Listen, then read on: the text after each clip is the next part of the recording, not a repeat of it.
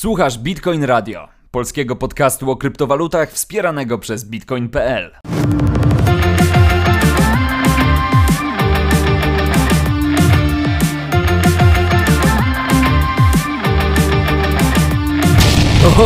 Dzień dobry! Witam Was serdecznie, mam nadzieję, że się macie dobrze i zdrowo, ponieważ zaczynamy kolejny odcinek Bitcoin Radio i ten będzie bardzo szybki. Będzie szybki, ponieważ będę mówił szybko. Więc nie no, żartuję, nie będę mówił szybko, ale postaram się coś, niecoś troszeczkę Wam przekazać. E, Dzisiejszy odcinek e, jakby hmm, oscyluje troszeczkę dookoła tego, że jakby generalnie nic nie wiemy. Tak, nic nie wiemy. A dlaczego nic nie wiemy? No bo dlatego, że rynek kryptowalut ostatnio tak się zachowuje troszeczkę tak, jakby chciał, no ale nie do końca mógł. I teraz pytanie, czym to jest spowodowane? No, Ciężko powiedzieć. Na przykład mieliśmy w ciągu tego tygodnia dość takie gwałtowne spadki. Um, w przypadku Etheru to był nawet taki drop gdzieś tam z, z od otarcia się od tych 2000 dolarów do e, granicy aż chyba tam 1400 iluś i to był w ogóle jakiś gwałtowny drop, który się przytrafił. Teraz jesteśmy w jakimś takim dziwnym odbiciu. E, no, mnóstwo bardzo niestabilnej sytuacji na rynku kryptowalutowym. Ekstremalne strachy, jak to pokazuje Fear and Greed Index. I to odbija się również na cenie kryptowalut. Bitcoin gdzieś cały czas w granicach 19-20 tysięcy, Ether się tak właśnie waha od 1400 do 1600, stablecoiny stabilnie wiadomo, no, tam u nich się nie za wiele zmienia. Ale generalnie cała stawka kryptowalutowa, jak spojrzymy sobie na ostatni tydzień, na przestrzeni ostatniego tygodnia, raczej w takim bardziej negatywnym aniżeli pozytywnym świetle powiedziałbym. No i teraz pytanie, jakby dlaczego tak się może dziać? Przede wszystkim um, Jerome Powell wygłosił dość takie niezbyt entuzjastyczne pod względem ekonomicznym um, przemówienie dotyczące um, sytuacji ekonomicznej w Stanach. Jerome Powell jest prezesem Fedu, powiedział, że trzeba będzie generalnie zaciskać pasa, walczyć o niski cel inflacyjny, który wynosi w Stanach 2%. No i takie informacje generalnie wpływają na rynek dość negatywnie. Natomiast ci z Was, którzy e, uprawiają na rynku kryptowalutowym grę długoterminową, myślę, że powinni być zadowoleni z tego, że no generalnie można spróbować tutaj pracować nad tym, żeby e, ten rynek, czy żeby nasze portfolio w dłuższym y, czasie jakby było przygotowane na jakieś wzrosty i na bullrun, którego wszyscy oczywiście się spodziewają i na który wszyscy czekają. A dlaczego? No, dlatego, że jakby rynek kryptowalutowy to z tego słynie, że są okresy depresji i są potem okresy wzrostów. Więc oczekujmy na okresy wzrostów. Jeżeli stoimy po tej stronie barykady kryptowalutowej. Łyknąłem sobie wodę, żeby to przypieczętować teraz, o czym, o czym mówiłem. Natomiast co możemy powiedzieć o takich, wiecie, wydarzeniach i o tym, co generalnie dzieje się na rynku. E, bitcoiny coraz młodsze. Taki artykuł znajdziemy sobie na bitcoin.pl. Znaczenie wskaźników cyklu życia bitcoina dla ceny. O co chodzi? Bitcoin testuje poziom 20 tysięcy, a, a, rynek USD jest uzależniony od silnego doran, dolara. Do, dolana, dorana. ciekawie, ciekawie, ciekawie. E, natomiast o co chodzi? Wydajemy coraz młodsze bitcoiny. Nasze rozważania rozpoczniemy z punktu widzenia cyklu życia poszczególnych bitcoinów. Określenie stara moneta odnosi się do tej, która od dawna pozostawała nieaktywna, młoda natomiast do tej, która częściej jest przedmiotem obrotu.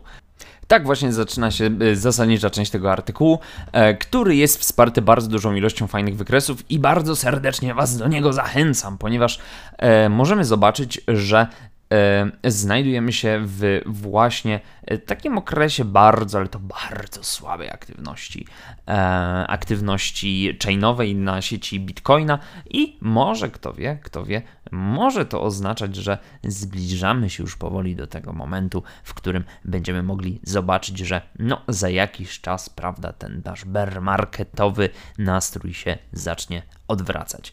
Czy tak będzie na pewno i czy będzie tak bardzo mocno, no to się jeszcze okaże. W ogóle zapomniałem e, Wam powiedzieć, że będziemy mieli przecież za niedługo, za jakiś czas, a dokładnie jak podaje strona wenmerge.com, nie when w sensie WHEN, tylko when w sensie wen, tak wiecie memowo, pokazuje za ile czasu nastąpi merge, e, czyli jakby to takie zwieńczenie przejścia Ethereum na Proof of Stake Um, no właśnie, kiedy, kiedy to wydarzenie nastąpi w ogóle? No okazuje się, że za 13 dni, słuchajcie, y, Ether przejdzie już pełnoprawnie na Proof of Stake. Będziemy mogli stakeować Ether. Super, co nie?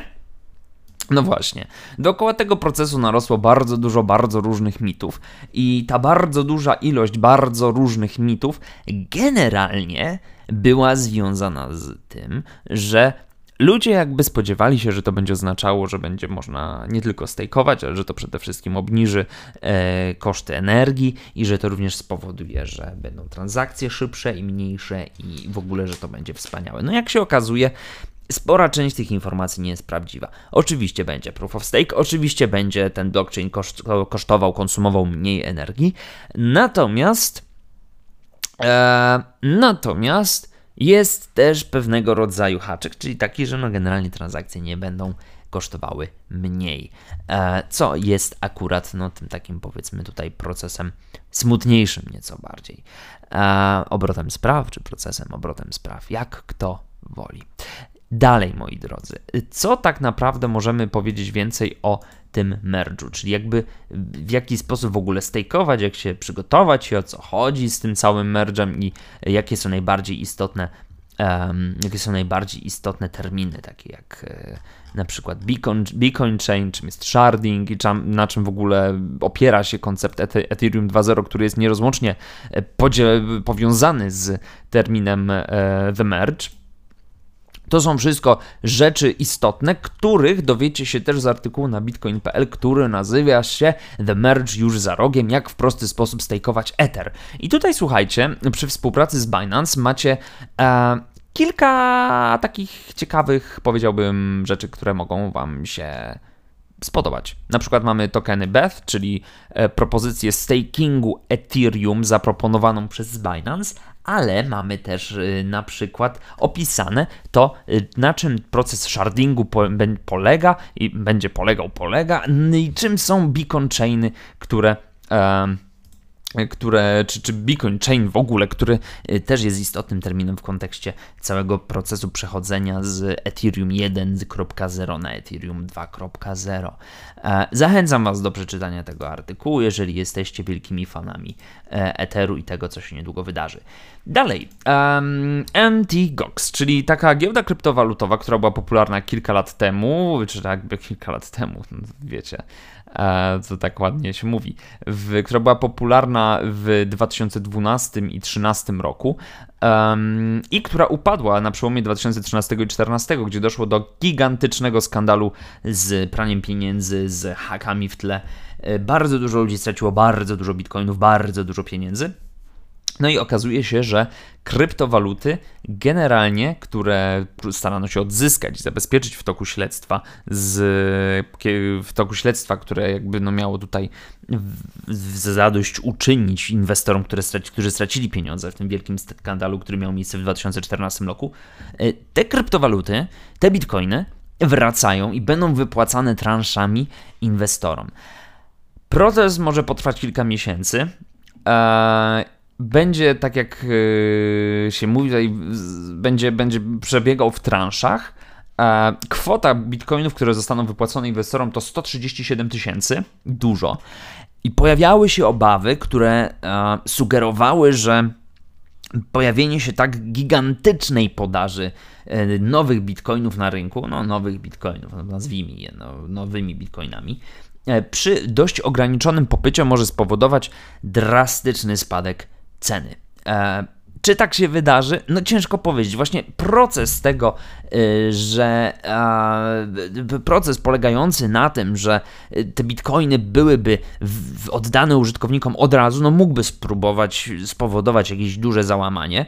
No i faktycznie jakaś taka panika gdzieś się pojawiła dookoła nas ostatnio, związana właśnie z tym procesem. Natomiast jeżeli proces e, spłaty rozpoczyna się właśnie w tym momencie i jednocześnie te pieniądze będą wypłacane w transzach, no to oznacza to, że całość tej podaży się troszeczkę bardziej rozłoży i dzięki temu najprawdopodobniej nie dojdzie do twardego i takiego dużego załamania kursu Bitcoina, co jest rzeczą dobrą, moi drodzy.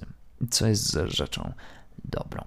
Um, jak to powiedział e, w ogóle e, Michael van de Poppe, który zdaje się. Kim on jest w ogóle? Nie wiem, ale w, w tekście jego tutaj nazwisko pada. Powiedział, że e, pa, pa, pa, pa, pa, pa. strach wokół potencjalnej wypłaty bitcoinów przez Mt. Goxy, Mt. Goxy jest po prostu nieuzasadniony. E, tyle, tyle. Więc to chyba dobrze, co nie? Przejdziemy teraz do tematu gierek. Słuchajcie gierek. Gierki. E, od jakiegoś czasu społeczność skoncentrowana wokół Shiba Inu e, czekała na pewien projekt.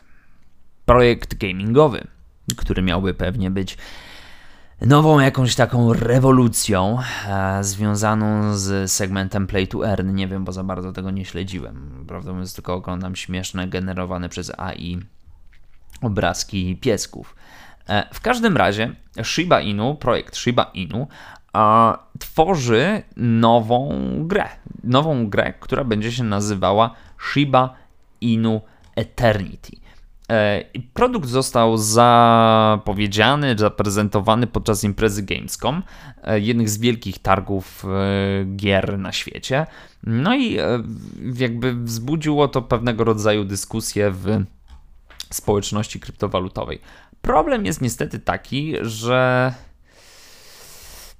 Mm, I to mówię z perspektywy swojego i swojej, wiecie, takiego chłopaka gamera, który lubi sobie pograć w gierki, że ja tę grę już widziałem 10 razy, 10 tysięcy razy. Dlaczego? No dlatego, że oczywiście twórcy, kryptowalutowi twórcy projektów growych, jedyne co potrafią wymyślić to po prostu jakiś tani, beznadziejny rip-off produkcji, które już funkcjonują. I w tym przypadku otrzymaliśmy, moi drodzy, tani i beznadziejny, znaczy dobra, przepraszam, nie wiem czy tani i beznadziejny, może, może, może trochę kłamie, ale otrzymaliśmy rip-off e, Hearthstone'a.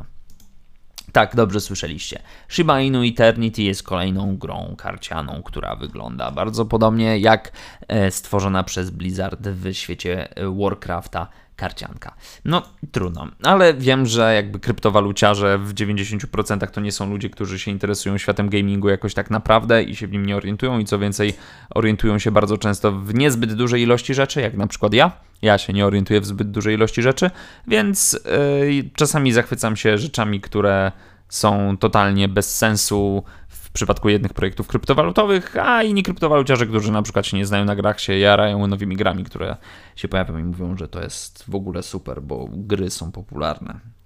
I w tej grze możesz na przykład skakać. Jezu.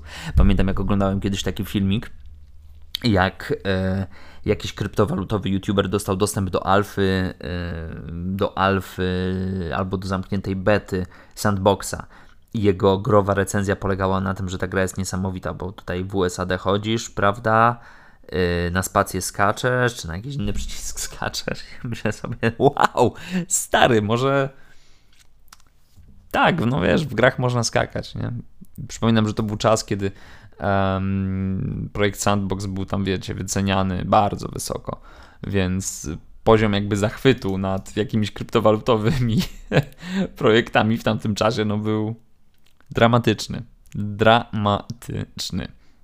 Ale e, przejdźmy może dalej, nie rozmawiajmy o tym za bardzo. E, czy kiedyś jakby słyszeliście o tym, czy jakby inaczej, czy kiedyś chcielibyście otrzymać na swoje konto nagle znikąd przelew na 10 milionów dolarów?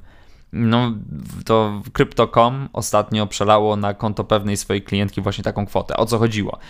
E, klientka ch chciała, o Jezus Maria, jest jej nazwisko, Tewa Manago, Teva Manogari, Teva Manogari Manivel miał otrzymać od Crypto.com zwrot środków w wysokości 100 dolarów, natomiast firma omyłkowo przesłała jej jednak 10,5 miliona dolarów. Teraz giełda chce odzyskać swoje środki. Problem w tym, że świeżo upieczona milionerka nie chce zwrócić pieniędzy, no co jest wcale nie jest zaskakujące. Mm. Do tego część z nich już wydała na luksusowy prezent dla siostry, willę. Wille.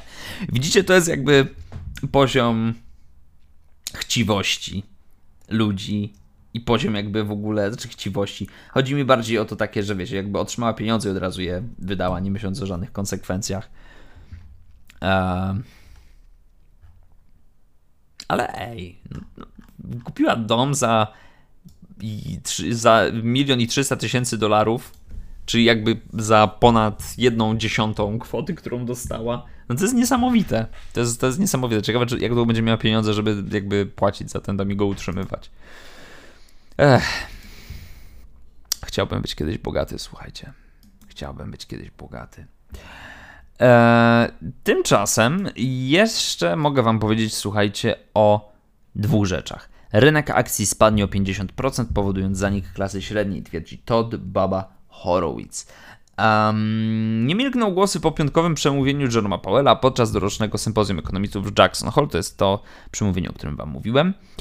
E, co więcej, rynek cyfrowych aktywów opuścił ponad 240 miliardów dolarów, a indeks Fear Greed stale spada w kierunku ekstremalnego strachu. Teraz główny strateg Baba Trading.com, Todd Baba Horowitz oznajmił, że podwyżka stóp procentowych przez Fed doprowadzi do zaniku amerykańskiej klasy średniej. E, to tyle. Również Was odsyłam do, do artykułu na bitcoin.pl na ten temat, ponieważ faktycznie jest o czym poczytać i no, nie da się ukryć, że zimowe spekulacje na rynku, takim jakby nie tylko kryptowalutowym, tylko w ogóle na rynku, mrożą krew w żyłach. Więc nie dajcie się. Nie dajcie się, ziomeczki. I trzymajcie się bezpiecznie i ciepło. Cześć.